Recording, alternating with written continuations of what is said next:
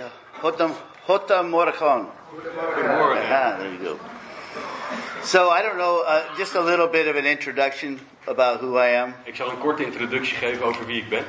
Um, my name's Rod Thompson, Ik heet Rod Thompson and I've known Stan and Marty for 20 plus years, en ik ken Stan en Marnie al meer dan 20 jaar. Probably since Kendall was just a little girl and Alyssa was a little girl. Sinds dat Kendall en Alyssa kleine meisjes waren. Uh, both the other daughters, uh, I was the director in Austria at the castle when we had the Bible College and Conference Center there. Eh, ik, ben, eh, ik ken de beide andere dochters ook, want ik was de directeur van, de, van het kasteel in Oostenrijk, waar de Bijbelschool en de conferenties zijn. And so both Christina and Ashley did summer of service when I was there. Zowel Christine als Ashley hebben Summer of Service gedaan, een zomer dienen, terwijl ik daar in het kasteel was. I moved to Europe in 1990. Ik ben in 1990 naar Europa verhuisd. I was single, Ik was toen een single. and um, I went into Eastern. I landed in Austria, and then I went into Eastern Europe as a missionary when the communist wall came down. Toen de muur van het communisme naar beneden ging, ben ik in Oostenrijk geland, maar verder gegaan Oost-Europa in. Went into Hungary, Ben Hongarije ingegaan. and then I spent um, about five years in Serbia. Dan heb ik vijf jaar in eh, Servië gezeten. That's where my wife picked me up. Mijn, mijn vrouw mij gevonden. I resist. I tried to resist, and Ik then eh, I gave probeerde me in. nog te verzetten, maar And I had my son. My firstborn was born in Serbia. onze zoon, onze eerstgeborene, is in Servië geboren. I lived there during the um, war, the Civil War, with uh, when the when they were really having problems with Bosnia and Herzegovina. Eh, ik heb daar tijdens de burgeroorlog tussen Bosnië en Herzegovina in Servië gewoond. And then I moved back to Austria, and I and I planted a church in Austria. Toen eh, ben ik terug verhuisd naar Oostenrijk en heb daar een kerk gesticht. That's when I became the director of the Bible College and Conference Center. En toen werd ik de directeur van, het, eh, van, het, eh, van, het, van de Bijbelschool en het conferentiecentrum. And I had two beautiful redhead daughters. En toen, daar kreeg ik twee van, fantastisch mooie roodharige dochters. In 2002, we moved the Bible College to Hungary. En in 2002 hebben we de Bijbelschool verplaatst naar Hongarije. The whole operation, we moved from one country to another We country. hebben de hele operatie van het ene naar het andere land verhuisd. That just about killed me. Dat, daar ging bijna onderdoor. If you ever have a chance to move a Bible college from one country to another country, don't do it. Als je ooit in de gelegenheid bent om een Bijbelschool van het ene naar het andere land te verhuizen, niet doen. Yeah, and so 2005, I moved back to um, California. That's my, where I was from. In 2005 ben ik terug verhuisd naar Californië, waar ik van, van origine vandaan kom. And I've been serving as the director of the conference center in Murrieta, Calvary Chapel Conference Center. En sindsdien eh, dien ik als hoofd van het conferentiecentrum van Calvary Chapel Murrieta. And also pastoring a church, uh, Calvary Chapel affiliate called Cross Culture Murrieta. En ben ik ook voorganger van een kerk die heet Cross Culture Murrieta. And so today I would like to share a story from John the Baptist. Vandaag wil ik met jullie een verhaal delen van Johannes de Doper. John the Baptist um, isn't called John the Baptist because he was from the denomination of, of the Baptist denomination, Johannes de Doper wordt niet eh, zo genoemd omdat hij van de Baptisten is, but because he baptized people. maar omdat hij mensen doopte. And so, chapter 11, verses 1 through 6 is where we'll begin. En we zullen vandaag Matthäus eh, 11, vers 1 tot en met 6 gaan lezen. I'm just going to have Casper read it in Dutch, and any English people, you can read it on your own. Casper zal het in het Nederlands lezen en alle Engelstalige mensen mogen in het Engels hun eigen eh, Bijbel lezen. Matthäus 11, vers 1 tot en met 6. En het gebeurde toen Jezus geëindigd had zijn twaalf discipelen opdracht te geven, opdrachten te geven, dat hij vandaar vertrok om onderwijs te geven en te prediken in hun steden. Toen Johannes in de gevangenis over de werken van Christus gehoord had, stuurde hij twee van zijn discipelen en zei tegen hem: Bent u het die komen zou, of verwachten wij een ander? En Jezus antwoordde en zei tegen hen: Ga heen en bericht Johannes wat u hoort en ziet. Blinden worden ziende en kreupelen kunnen lopen, melaatsen worden gereinigd en doven kunnen horen. Doden worden opgewekt en aan armen wordt het evangelie verkondigd. En zalig is hij die aan mij geen aanstoot neemt. All right, let's pray together. Laten we bidden. So, Heavenly Father, we thank you that we can gather together and we can open your word this morning. Vader God, we danken u dat we hier samen mogen zijn en dat we uw woord mogen openen. And as we do, we, we do it with um, humility, En terwijl we dit doen, doen we dat nederig. And we want to respect your word. We willen uw woord respecteren. And we pray that your spirit would come and open our hearts, We bidden dat uw geest zal komen en onze harten zal openen. that we can receive the truth. Dat we de waarheid zullen kunnen ontvangen. So, Lord, we, we yield this time into your hands and pray that you would bless it by your grace. We leggen deze tijd in uw handen en vragen dat u het in uw genade zal zegenen. And we pray in Jesus' name. En we bidden in Jezus' naam. Amen. Amen. So, John the Baptist is an interesting character. Johannes de Doper is een interessant personage. He was born into the priesthood. He could have been a priest. Hij was ge- een geboren priester. Hij had als priester kunnen dienen. He could have ministered in the temple with a nice robe, you know, nice clothes. Hij had in de tempel eh, dienst kunnen doen met de mooie kleding aan. But God called him out of that ministry and he called him to the desert. Maar God riep hem daar vandaan en riep hem naar de woestijn. He was interesting. He had rough, he, he was kind of a rough guy. Het, was, het is interessant. Hij was een beetje een ruig karakter.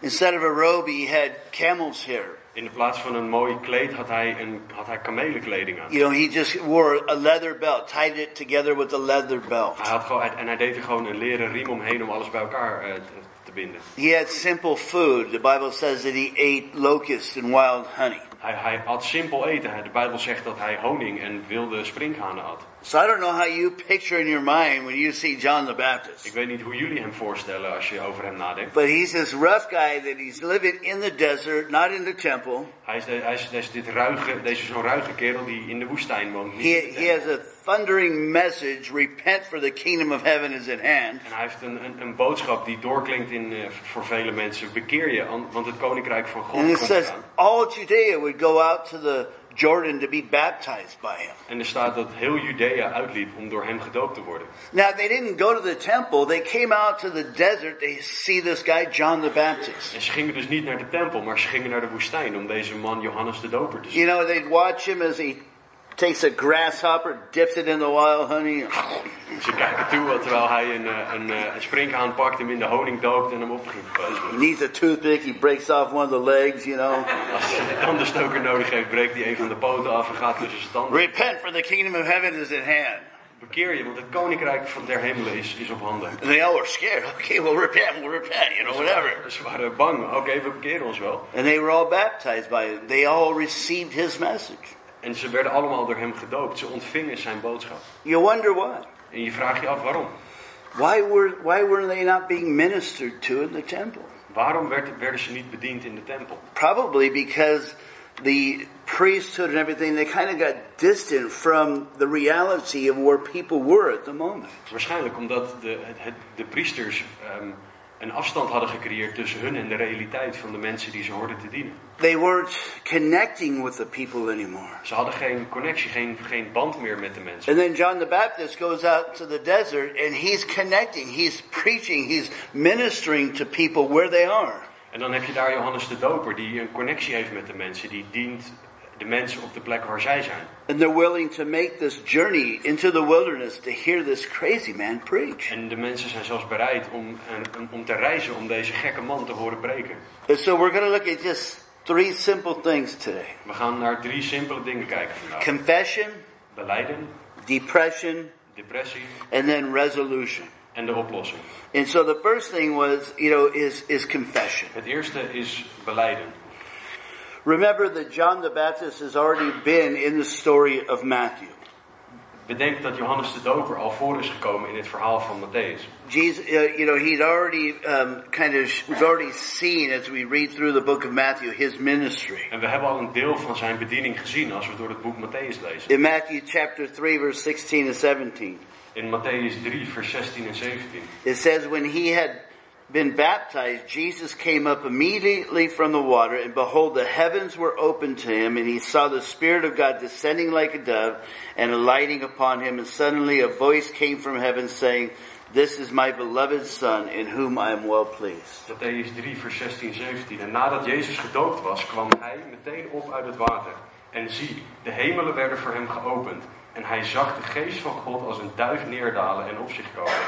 En zie, een stem uit de hemelen zei, dit is mijn geliefde zoon, in wie ik mijn welbehagen heb.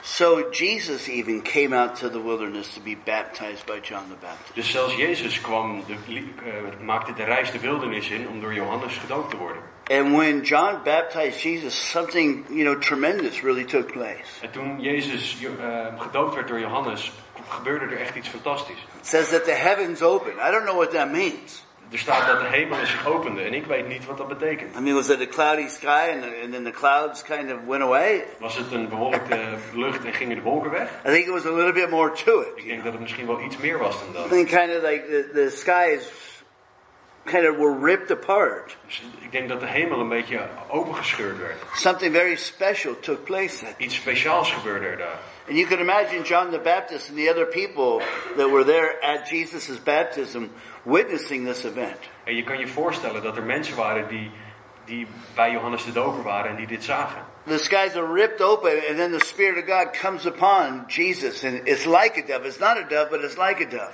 En ze zien de, dat de hemel opengescheurd wordt en dat de geest van God neerkomt. Niet, niet een echte duif, maar als een duif. Well, you know, what, what took place has never happened, so, you know, nobody has any context for what really took place. Zoiets is nog nooit eerder gebeurd, dus niemand heeft context om echt te begrijpen wat er gebeurde. So Matthew just described it. It was, it was like a dove. The Spirit came upon him and it looked like a dove, the way a dove lands on something, maybe. En Matthäus deed zijn best om het te omschrijven. Dus hij zegt, nou ja, de geest van God kwam naar beneden en het leek op een duif die op iets of iemand landde. And then a voice came from heaven. This is my beloved son, Toen kwam er ook nog een stem uit de hemel die zei, dit is mijn eh, geliefde zoon. in whom I'm well pleased. In wie ik eh, mijn welbehagen heb. John witnessed that. Johannes zag dat.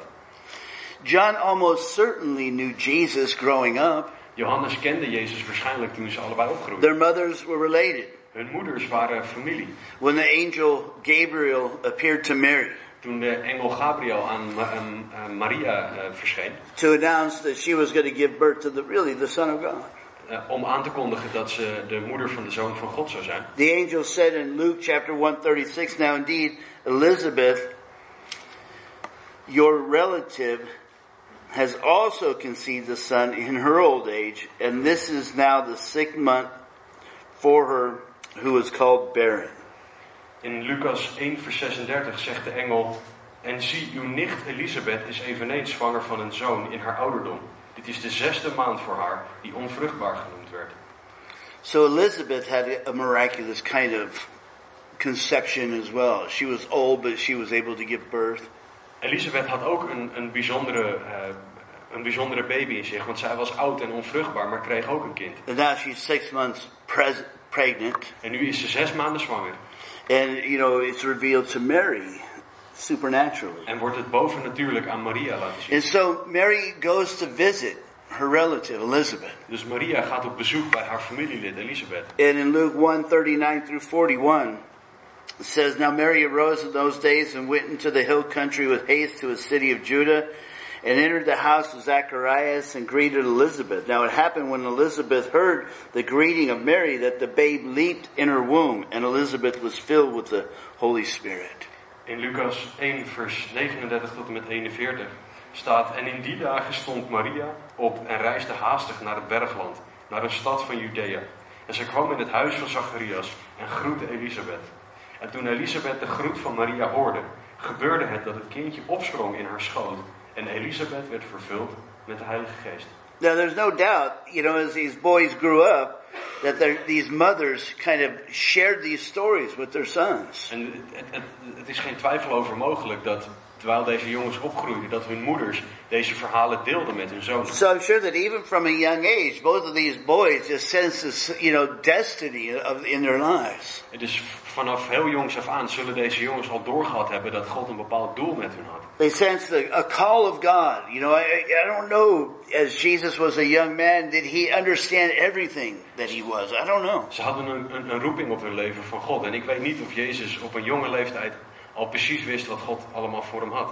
As, as a man, I think he, he grew in his understanding Ik denk dat, ik denk dat terwijl hij opgroeide en, en een, meer een man werd, dat hij groeide in zijn begrip van God. Maybe they would see each other at times of worship in Jerusalem on Misschien- special worship times. Misschien zagen ze elkaar in, in diensten in de, in de tempel tijdens speciale tijden van aanbidding. We know that, you know, Jesus and his, and his family went every, every year to weet- Jerusalem. we weten dat Jezus en zijn familie elk jaar naar Jeruzalem gingen. Luke 2:41 42 says his parents went to Jerusalem every year at the feast of Passover. And when he was 12 years old, they went up to Jerusalem according to the custom of the feast. In Lucas 2, vers 41 en 42 staat: En zijn ouders, Jezus' ouders, reisden elk jaar voor het feest van het Pascha naar Jeruzalem. En toen hij 12 jaar was en zij naar de gewoonte van het feest naar van Jeruzalem gegaan waren. So they went every year to Jerusalem, you know, for this feast. It must have been exciting for the kids. Ze gingen elk jaar gingen ze naar Jeruzalem en dat moet echt heel spannend geweest zijn ook voor de kinderen. You know, and John's father, Zacharias, he was a priest, and so his family would have been there. En Johannes' vader, was, Zacharias, was een, eh, was een priester, dus zij zullen in Jeruzalem geweest So maybe at least at this time of the year, John and Jesus got to see each other and, and have some fun and hang out together as cousins or whatever kind of relatives they were. En dus minimaal één keer per jaar zullen ze elkaar gezien hebben en rondgangen hebben en samen lol gehad hebben. Zoals familie dat met elkaar hoort te doen. You could imagine just, you know, seeing John and Jesus having fun together. Ik kan me zo voorstellen dat je dan Johannes en Jezus daar samen ziet spelen en gewoon heel veel lol ziet hebben. Must have been horrible to play childhood games with Jesus. Het moet vreselijk geweest zijn om, om, om jeugdspelletjes te spelen met Jezus. Imagine playing hide, hide and seek with Jesus. Kan je je voorstellen dat je verstoppertje speelt met Jezus? He'd be counting one, two, three. Nou, we zijn het tellen, 1, 2, 3. You say, John, that's a stupid place to hide. En dan zegt Johannes, dat is een stomme plek om je te verstoppen. You can do better than that, buddy. Je kan je, kan, je, je, je, je kan je beter doen. You know, I don't know. You, you guys have Bible trivia? Ja, Ja. het zijn Bi- bijbelvragen, quizvragen over de Bijbel. Imagine playing Bible questions with Jesus. Kun je je voorstellen dat je vragen over de Bijbel dat spelletje speelt met Jezus? Imagine playing football with Jesus. Kun je je voorstellen dat je gaat voetballen met Jezus? There was a movie called Bend It Like Beckham. Er, was, er is een voetbalfilm geweest die heet Bend It Like Beckham. Eh, maak een bocht in de bal zoals Beckham dat vroeger You know, they, they never seen Jesus bend it, you know? Ze hebben nog nooit Jezus een bal It doesn't matter where he was on the field. He could kick the ball and it's in the net. Het maakte niet uit waar Jezus op het veld was. Als hij tegen die bal trapte, zat hij in het doel. It must have been, it must have been, you know, special to be a relative of Jesus and, and to watch him grow up. Het moet echt geweldig geweest zijn om een familielid van Jezus te zijn geweest en hem te zien opgroeien. But even with that understanding that Jesus had of John, En, maar zelfs, hearing these stories from their mothers, en zelfs met het begrip dat Jezus over Johannes had en de verhalen die hij van, de- van zijn moeder gehoord had. John needed confirmation of who the Messiah was going to be, who he was going to be the forerunner for. En alsnog had Johannes bevestiging nodig over wie de Messias was, over voor wie hij de, de stem in de woestijn was. And it's recorded in John chapter 1, verses 32 through 34. Dat staat opgeschreven in Johannes hoofdstuk 1. And John, John bore witness saying, I saw the Spirit descending from heaven like a dove, and he remained on him. I did not know him, but he who sent me to baptize with water said to me, Upon whom you see the Spirit descending and remaining on him, this is he who baptizes with the Holy Spirit. And I have seen and testified that this is the Son of God. Starting in verse 32. Uh, 32 through 34. Johannes 1, vers 32 tot en met 34. En Johannes getuigde, ik heb de geest zien neerdalen uit de hemel als een duif. En hij bleef op hem. En ik kende hem niet, maar hij die mij gezonden heeft om te dopen met water, die had tegen mij gezegd, op wie u de geest zult zien neerdalen en op hem blijven, die is het die met de heilige, die, die is het die met de heilige geest doopt. En ik heb gezien en getuigd dat hij de zoon van God is. So John needed confirmation of who the, who the Messiah was, was when he baptized him. En Johannes had dus bevestiging nodig over wie de Messias was hij En- aan het getuigen was. And he received that confirmation. En hij kreeg die bevestiging. And he said, truly this is the Son of God. En hij zei, dit is werkelijk de Zoon van God. But he made another remarkable confession concerning Jesus as well. Maar hij maakte nog een andere belangrijke opmerking over Jezus. In 129 of John it says, Behold the Lamb of God who takes away the sin of the world. In Johannes 1 vers 29 zegt hij, zie het lam van God dat de zonde van de wereld wegneemt." You know, he saw Jesus coming. He said, Behold, this is the Lamb of God. Hij zag Jezus aankomen lopen en hij This is the Son of God. dit is het lam van God. Dit This is, is the one that's, you know, going to take the sin of the world Dit away. is degene die de zonde van de wereld wegzond. So not only did he understand who Jesus was, Niet alleen begreep hij wie Jezus was, but he also understood what the mission of Jesus was. Maar hij begreep ook wat Jezus zijn missie This was. is his purpose coming to the earth to take away the sin of the world. Dit is zijn doel op aarde, om de zonde van de wereld weg te nemen. This word to take away kind of means to lift up Dit woord om weg te nemen betekent om omhoog te heffen and to bear on yourself en om op jezelf te nemen and to carry it away. en om het weg te dragen. And that's exactly what Jesus did on the cross. Dus dat is precies wat Jezus deed aan het kruis. He died for the sin of the world. Hij stierf voor de zonde van de And wereld. when a person puts his faith in Jesus, En wanneer iemand in Jezus gelooft, his sin is lifted off of them. The guilt, the shame. worden de zonde, de schuld, de, de, de schaamte, alles wordt van hem afgenomen. And it's put, placed upon Het Jesus. wordt op Jezus' schouders gelegd. And Jesus carries it away. En Jezus draagt het ergens anders heen. You know where Jesus carried it, right? Weet je waar Jezus het naartoe bracht? Carried it to the cross. En hij droeg het naar het kruis.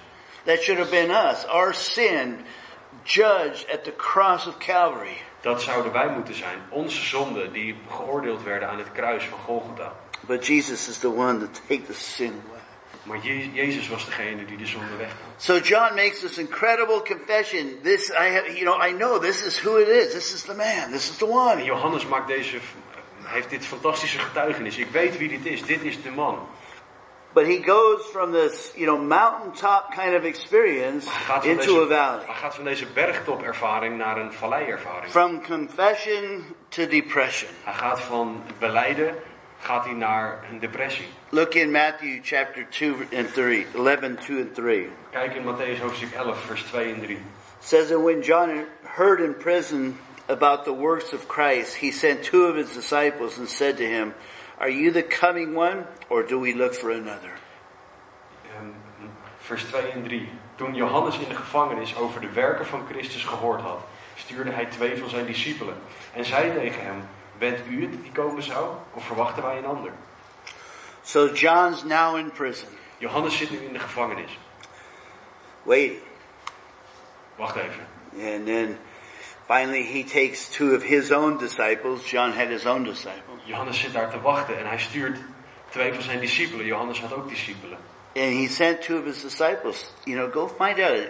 Ask Jesus, is, is he really the one or is there, is there somebody else? En hij stuurt twee van die discipelen en zegt: Jongens, kunnen jullie aan Jezus vragen of hij daadwerkelijk degene is op wie we wachten of dat we iemand anders verwachten? He just made this incredible confession. This is the Son of God. En hij heeft net deze fantastische beleidenis gegeven. U This bent de zoon van God. This is the Lamb of God. Dit is het lam van God. But now he's in prison and he begins to doubt. En nu zit hij in de gevangenis en begint hij te twijfelen. Why is he in prison? He, he's in prison for standing up for the truth. Waarom zit hij in de gevangenis? Omdat hij opstond voor de waarheid. Matthew 14, 3 and 4 says, For Herod had laid hold of John and bound him and put him in prison for the sake of Herodias, his brother Philip's wife, because John had said to him, It is not lawful for you to have her. In Matthäus eh, 14, vers 3 en 4 staat er: Herodes had Johannes immers gevangen genomen, hem geboeid en in de gevangenis gezet, vanwege Herodias, de vrouw van zijn broer Filippus. Want Johannes had tegen hem gezegd: Het is u niet geoorloofd haar te hebben. So John is put in prison simply for fulfilling his ministry as a prophet. He is really the last Old Testament prophet, if you will. Johannes is in de gevangenis gegooid voor dat doen waardoor hij, waartoe hij door God geroepen is. Hij is de laatste van de oud-testamentische profeten. Hij verkondigt Gods woord en daarom zit hij in de He gevangenis. ends up in this dark place Hij zit op deze donkere plek. simply because he was serving God. Alleen omdat hij God diende. Suffering for righteousness' sake. Lijden voor, voor het doel van de rechtvaardigheid. You know, in chapter 10, Jesus prepares his disciples to live in a dangerous world. Johannes, of, eh, Jezus bereidt zijn discipelen in hoofdstuk 10 voor op het leven in een gevaarlijke wereld. And Jesus wants us to be prepared to live in a dangerous world. En Jezus wil ook dat wij voorbereid zijn op het leven in een gevaarlijke wereld. The world outside, you know, is not friendly to us. De wereld daarbuiten is niet vriendelijk jegens ons. We need to be prepared to live in. En we moeten bereid zijn om daarin te leven. And then Jesus answered John. En Jezus antwoordt Johannes. Verses 4 and 5, he says, Go and tell John the things which you hear and see. The blind see, and the lame walk, the lepers are cleansed, and the deaf hear, the dead are raised up, and the poor have the gospel preached to them. Jezus, Jezus antwoordt Johannes in vers 4 en 5 van hoofdstuk 11. En Jezus antwoordde en zei, ga heen en bericht Johannes wat u ziet en hoort. Blinden worden ziende, kreupelen kunnen lopen. Melaatsen worden gereinigd en doven kunnen horen. Doden worden opgewekt en aan armen wordt het evangelie verkondigd. I want you to understand what Jesus is saying here. Ik wil dat jullie begrijpen wat Jezus hier zegt. So stick with me for a minute. Dus uh, ja, geef me even wat tijd. Christ, the word Christ comes from a Greek word Christos. Het, het, het woord Christus komt van het Griekse woord Christus. And there, there's a word Messiah that comes from the Hebrew word Mashiach. En er is het, uh, het woord Messias dat van het Hebreeuwse woord Moshiach komt. And they both mean the same thing, the anointed one. En ze betekenen allebei hetzelfde, de gezalfde. And so when we read the New Testament, Wanneer wij het, het Nieuwe Testament lezen, which was written originally in Greek, dat van origine in het Grieks geschreven when was. we come across this word Christ, it's coming from this Greek word Christos. Wanneer we dan het woord Christus tegenkomen, weten we dat het van het Griekse woord Christos komt. But when you are a Jewish person speaking Greek, Maar wanneer je een, een Joods, eh, iemand van Joodse afkomst bent en je when spreekt you Grieks, heard when you heard Christos, en als je het woord Christos hoorde, you thought Mashiach. dan, dan dacht je aan Moshiach.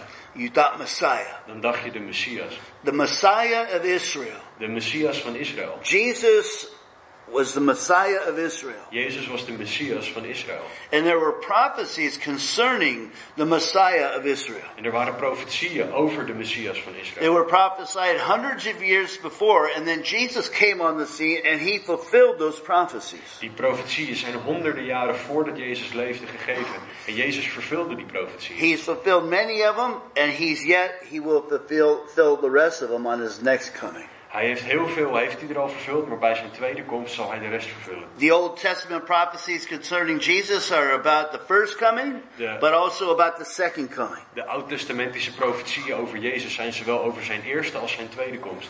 And so in Isaiah, the prophet, Dus in het Bijbelboek Jesaja there's many texts concerning the Messiah, staan er veel teksten over de Messias. About prophecies concerning the Messiah. Over profetieën over de Messias. And so Isaiah 35 verses 5 and 6 says this. Dus in Jesaja 35, eh, vers eh, 5 en 6. Says, Then the eyes of the blind shall be opened, and the ears of the deaf shall be unstopped. Then the lame shall leap like a deer, and the tongue of the dumb sing.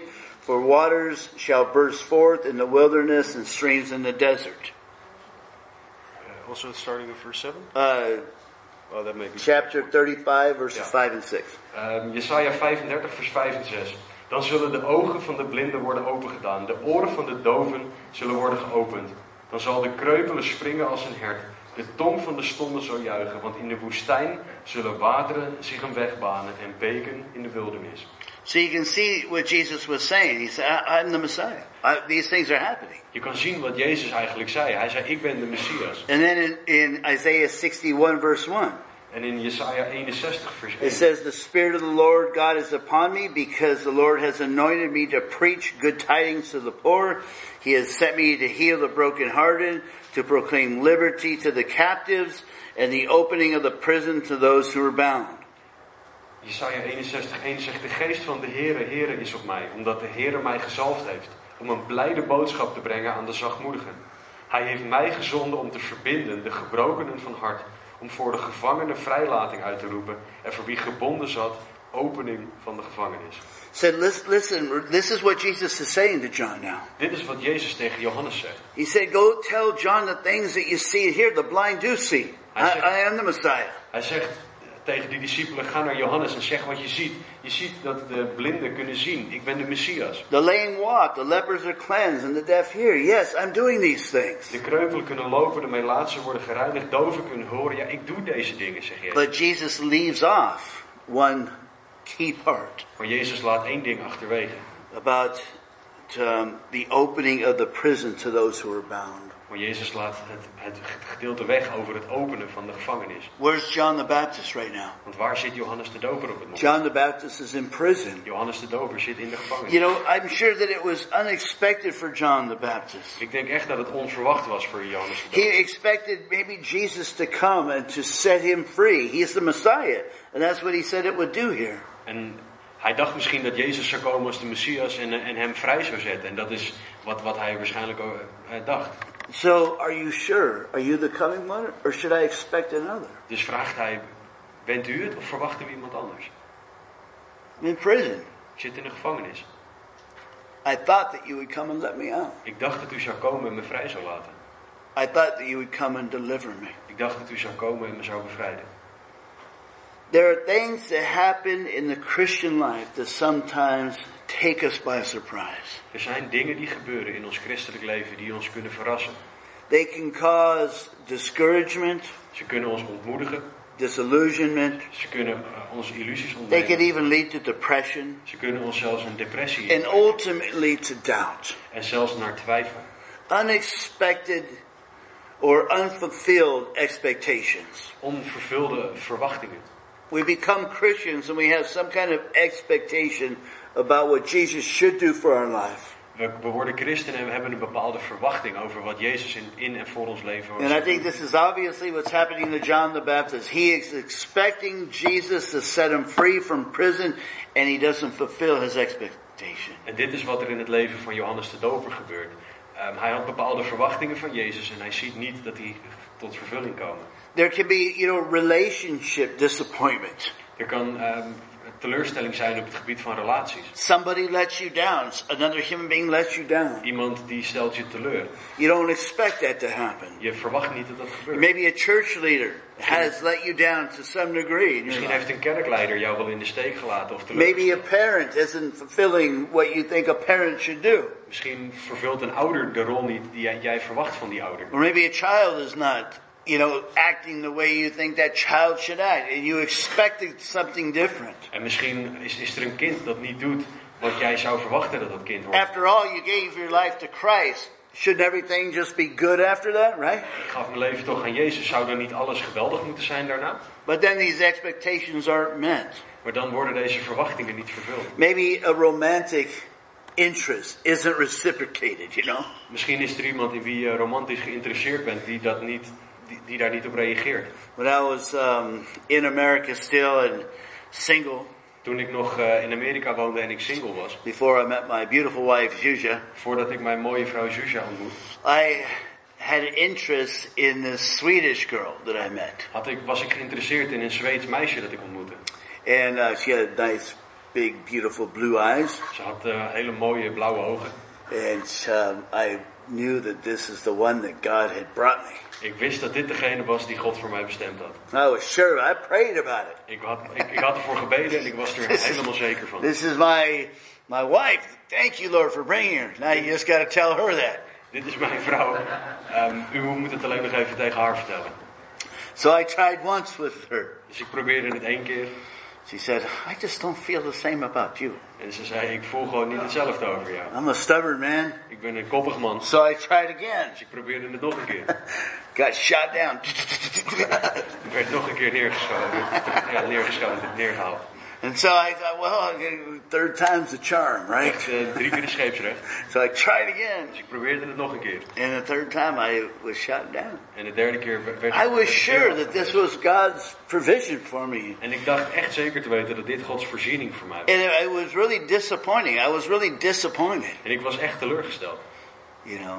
And, and that can happen in, in the Christian life. En dat kan gebeuren in het leven van een christen. I praise God now because, uh, you know, I have Zhuzha. God has provided me with more than I've ever could have dreamt of, you know. En ik, ik dank God nu voor deze situatie. Ik heb nu Jusha en meer dan dat ik ooit had kunnen dromen. But it may be unexpected trials, such as losing a job. You didn't expect that to happen. Maar ook onverwachte eh, verzoekingen. Dingen, als je een baan verliest bijvoorbeeld die je niet had verwacht. A health issue came up, you know, and Een gezondheidsissue dat naar boven kwam. you didn't expect that to happen, and God's not healing you. En je had niet verwacht dat dat gebeurde. God geneest je niet. You know, and, and maybe you, you, you have this expectation of being healed and it's not happening Misschien heb je zo'n verwachting dat God je zal genezen, maar gebeurt het niet. yet because we all will be healed, you know, when we enter into the presence of God. Maar we zullen wel allemaal genezen worden wanneer we in de aanwezigheid van God komen. Maybe some dwindling excitement Misschien is er nog, nog een bepaald enthousiasme dat You know, you remember when you got saved, that fire that burned in your heart. Wist je nog toen je tot bekering kwam, dat vuur dat in je hart zat? Now that, that fire begins to wane or fade out a little bit. En nu wordt dat vuur misschien wat minder heftig en begint het een You beetje don't te feel doven. that euphoria that you once had when you were a young Christian. Misschien voel je de, de, die euforie, die blijdschap niet meer zoals toen je net een christen was. And you're beginning to wonder why. You, you know, you expect it to last. En je, je vraagt je af waarom. Je, je gaat ervan uit dat het doorgaat, dat het blijft. But it's just like anything else. Het is net zoals al het andere. It, be, it can become normal, you know. Het kan iets normaals worden. We all had this, you know, th- those of us that are married or you're in a relationship, you had this first kind of romantic excitement and thrill. En voor diegenen van ons die getrouwd zijn of een relatie hebben, je had in het begin had je die, dat, dat enthousiasme, de, die, die, die, dat enthousiasme, of die, ehm, die, die spanning die er zat. But if you've been married for any length of time, that fades real quick. En als je al voor, voor, voor, voor korte tijd of langer getrouwd bent, gaat dat snel weg. And, and in this marriage relationship, this is where the work begins. En in een, in een huwelijksrelatie is dat waar het werk begint. And, and the, the, now the depth that I have with my wife is much deeper than this kind of superficial romantic love that we had. Now there's a deeper kind of love that we have. En de liefde die ik nu voor mijn vrouw heb, is veel dieper dan de romantische liefde die ik aan het begin had. This is the same thing that happens in your Christianity. Dat is precies hetzelfde wat er gebeurt in je christelijk leven. You can't keep this fervor kind of, you know, emotion kind of romantic kind of love that you have with Jesus. There's got to be something deeper.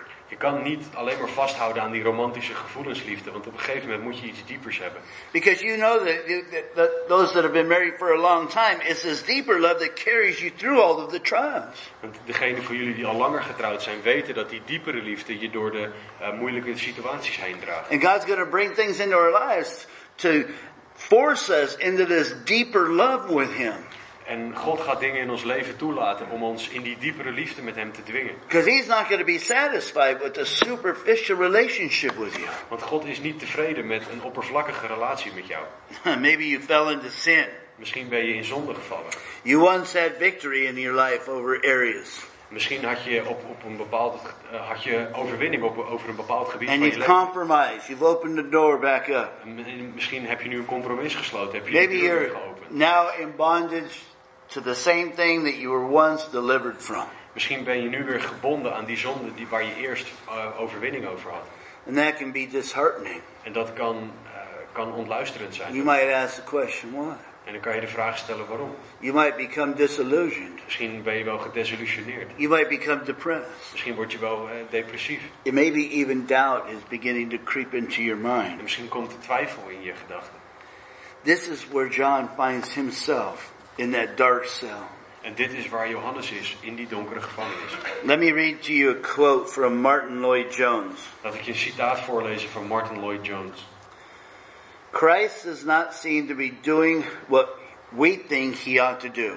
Christus doet niet wat wij denken dat hij hoort te doen. We have our ideas as to what Christianity is, and our Lord does not seem to be saying the same thing. Wij hebben bepaalde ideeën over wat het christendom hoort te zijn. En onze Heer zegt niet die dingen. So we take offense at it En daar zijn we door beledigd.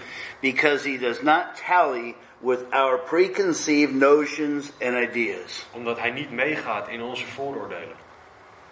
So from confession, Dus we gaan van beleiden. you're the Christ, you're the Son of God, U bent de Christus, de Zoon van God. to depression, Naar depre- depressie. to doubt. Naar twijfel.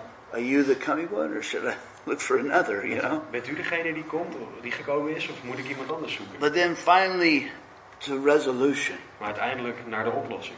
And God wants to give you a resolve in your Christian life to help, you know, propel you through these difficult times. God wil je een, een bepaalde mate van zekerheid geven in je leven om je door deze situaties heen te leiden. So Jesus at the end, in his response to John the Baptist in verse 6 of chapter 11, En dat is Jezus' reactie in vers 6 van Matthäus hoofdstuk 11. and blessed is he who is not offended because of me. En zalig is hij die aan mij geen aanstoot neemt. That word in the Greek, scandalizo, De, het woord in het Grieks is scandalizo. it means to put a stumbling block or something in the way. Dat betekent dat je een struikelblok neerzet of iets anders dat in de weg staat. where somebody else can make can trip and fall. Iets waarover iemand kan vallen. And so, what is Jesus saying to John the Baptist? Dus wat zegt Jezus dan nou eigenlijk tegen Johannes? Blessed are you if you're not offended at me.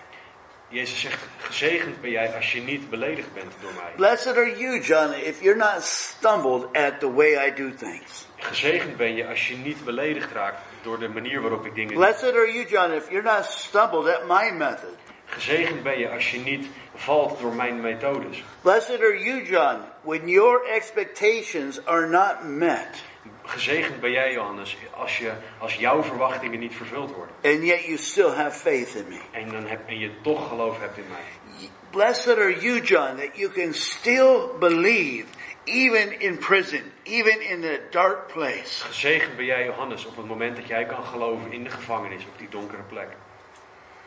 I believe this is all John needed to hear. Ik geloof dat dit alles is wat Johannes moest horen in de gevangenis. That's all he needed to hear. It, it spoke into his life and gave him a strength that he didn't have. Het sprak in zijn, in zijn hart en gaf hem een kracht die hij voorheen niet had. A strength that helped him go through what he was going to have to go through, Een kracht voor hem om door te maken wat hij door moest maken. ultimately to die. Om uiteindelijk te sterven. That was the end of John the Baptist in chapter 14, verse 10. So he sent and had John beheaded in prison. Herod killed him. Het einde van Johannes lezen we in Matthäus 14, vers 10. Sorry, which, which, Uh, 14, verse 10. Which- Matthew 14. Matthew. Ah, miste de, de wrong verse. Uh, Matthäus 14, 10. En hij stuurde iemand en liet Johannes in de gevangenis onthoofden. Het laatste wat we over Johannes lezen. Not only are you not going to get out of prison, John, Je komt niet alleen niet uit de gevangenis. but your head is going to be cut off by Herod. Maar Johannes, je hoofd gaat er afgehakt worden door Herodes. But blessed are you, John, if you're not offended. Maar gezegend ben jij, Johannes, als je niet beledigd bent. I know exactly where you are. Ik weet precies waar je bent. I know exactly the darkness that you feel. Ik weet precies wat de duisternis is die jij voelt. But blessed are you if you can have faith through this dark trial. Maar gezegend ben je als jij geloof kan hebben door deze zware en donkere beproeving heen. And God wants to give us this resolve God wil ons deze in the face of adversity.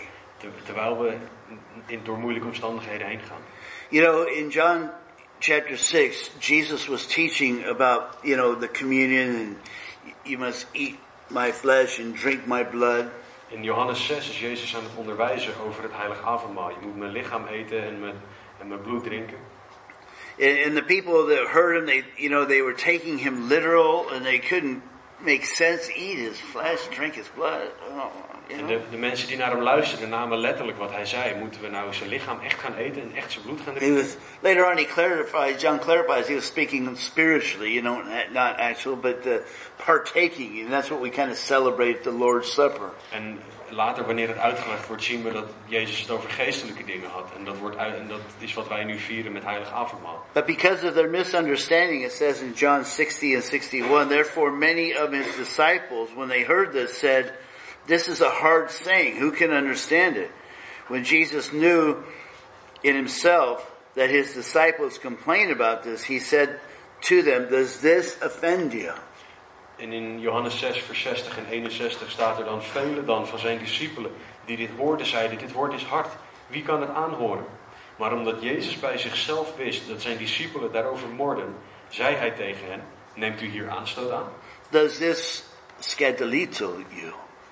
En nemen jullie hier scandalizo aan? Staat dit voor jullie in de weg? Does this put a stumbling block for you too? Zet dit een struikelblok voor jullie neer? Because many of the people were offended at that saying. Want veel mensen werden beledigd door wat Jezus zei. And as a result, in verse 66, it says, From that time, many of his disciples went back and walked with him no more. En het gevolg is Johannes 6, vers 66. Van toen af trokken vele van zijn discipelen zich terug en gingen niet meer met hem mee. Does my teaching offend you? Zijn- mijn woorden, is mijn onderwijs beledigend voor jou, een struikelblok? Took his disciples, you know, is it going to get in your way Sta, zou dit voor jullie in de weg staan of following me? om mij te volgen? Jesus asked them and says, Do you also want to go away in verse 67? Jezus vraagt in vers 67, wilt u ook niet weggaan? You see what's happening here?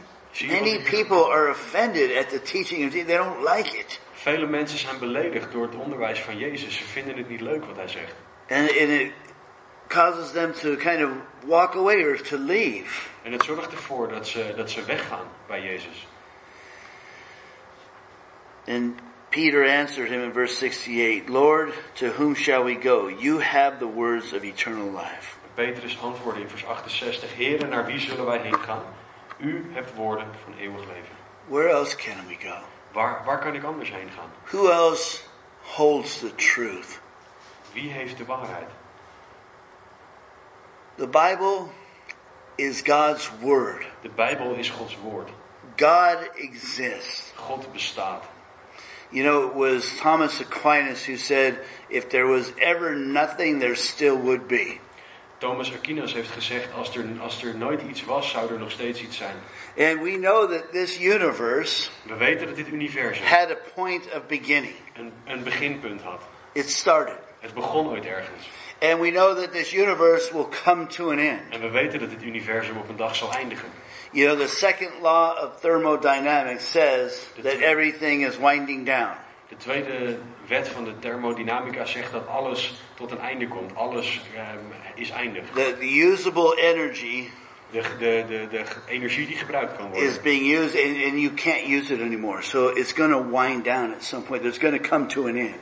Energie kan je niet hergebruiken. Dus op een gegeven moment zal, zullen dingen eindigen. And they say, you know, the, the Big Bang Theory, they understand that the universe began and, it, and it's continuing to go out. En de mensen van de Big Bang die zeggen dat het universum met een explosie begon en steeds aan het groeien is. It had a beginning. Het had een begin.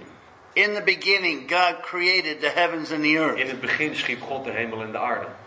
If there was ever nothing, there still would be nothing. Als er, als er ooit niets was, dan zou er ook altijd niets blijven zijn. Something had to exist before the universe existed. Er moet iets geweest zijn voor het universum. eh, And whatever existed before this temporal universe had to be untemporal, had to be infinite. En hetgene dat voor dit tijdelijke universum bestond, moet, moet buiten de tijd staan. And the Bible explains it all. En de Bijbel legt het allemaal uit. In the beginning, In time, begin, er was er tijd. God created the heavens, space, Schiep God de hemel, de God, ruimte and, and the earth, material. en, en de aarde, eh, materiaal. Einstein proved Einstein the bewees theory of relativity de relativiteitstheorie all three of these things had to exist simultaneously. They can't, can't exist independently. Al deze drie dingen, tijd, ruimte en materie, moeten tegelijkertijd bestaan. Time. Niet los van elkaar. Space, material, need all three of them. Je hebt alle drie nodig, tijd, ruimte en materie. But this is a closed system, this universe. It's a temporal system. Dit is een ge- gesloten systeem, dit, dit tijdelijke universum. And something had to live outside this. Something had to be outside of this temporal system to bring this system into being. En om dit tijdelijke systeem gestalte te geven, moet er iets zijn dat buiten dat systeem was. And that's God. It speaks of the eternality of God. En dat is God. Het spreekt over de eeuwigheid van God. God has always existed. God always will God exist. heeft altijd bestaan en zal altijd bestaan.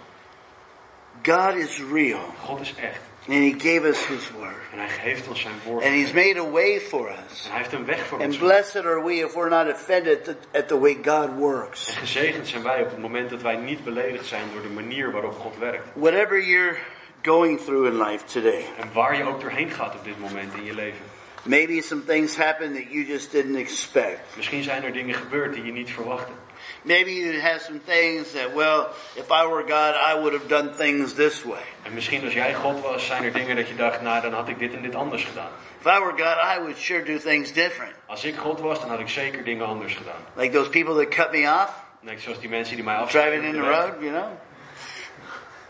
You know what would happen to them, right? Je weet wat er met hun zou gebeuren, toch? Pretty soon there wouldn't be anybody left on zou the road niemand meer me. over zijn op de weg, behalve ik.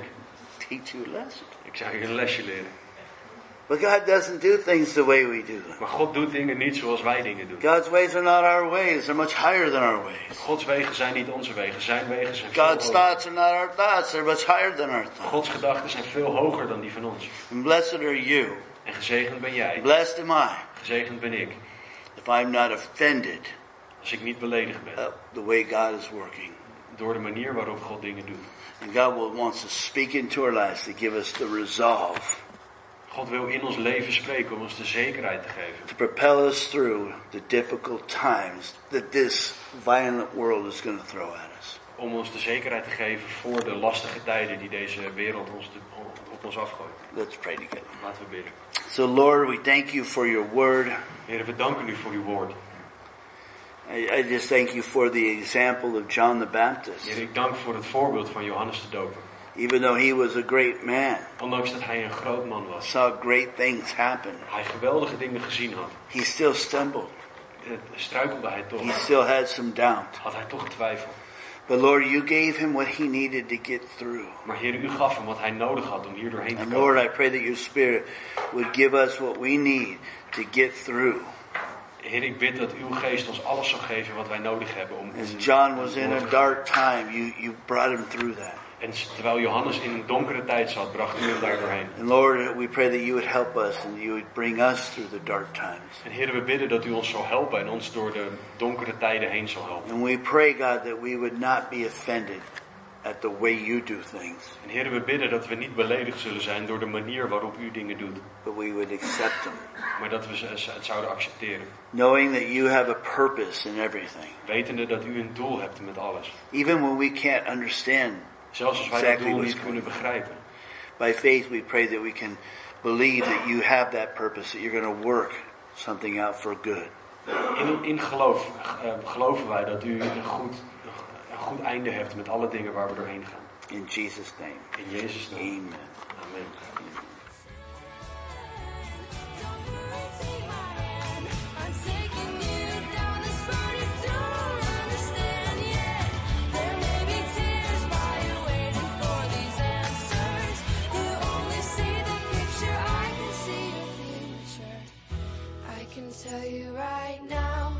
gonna be alright.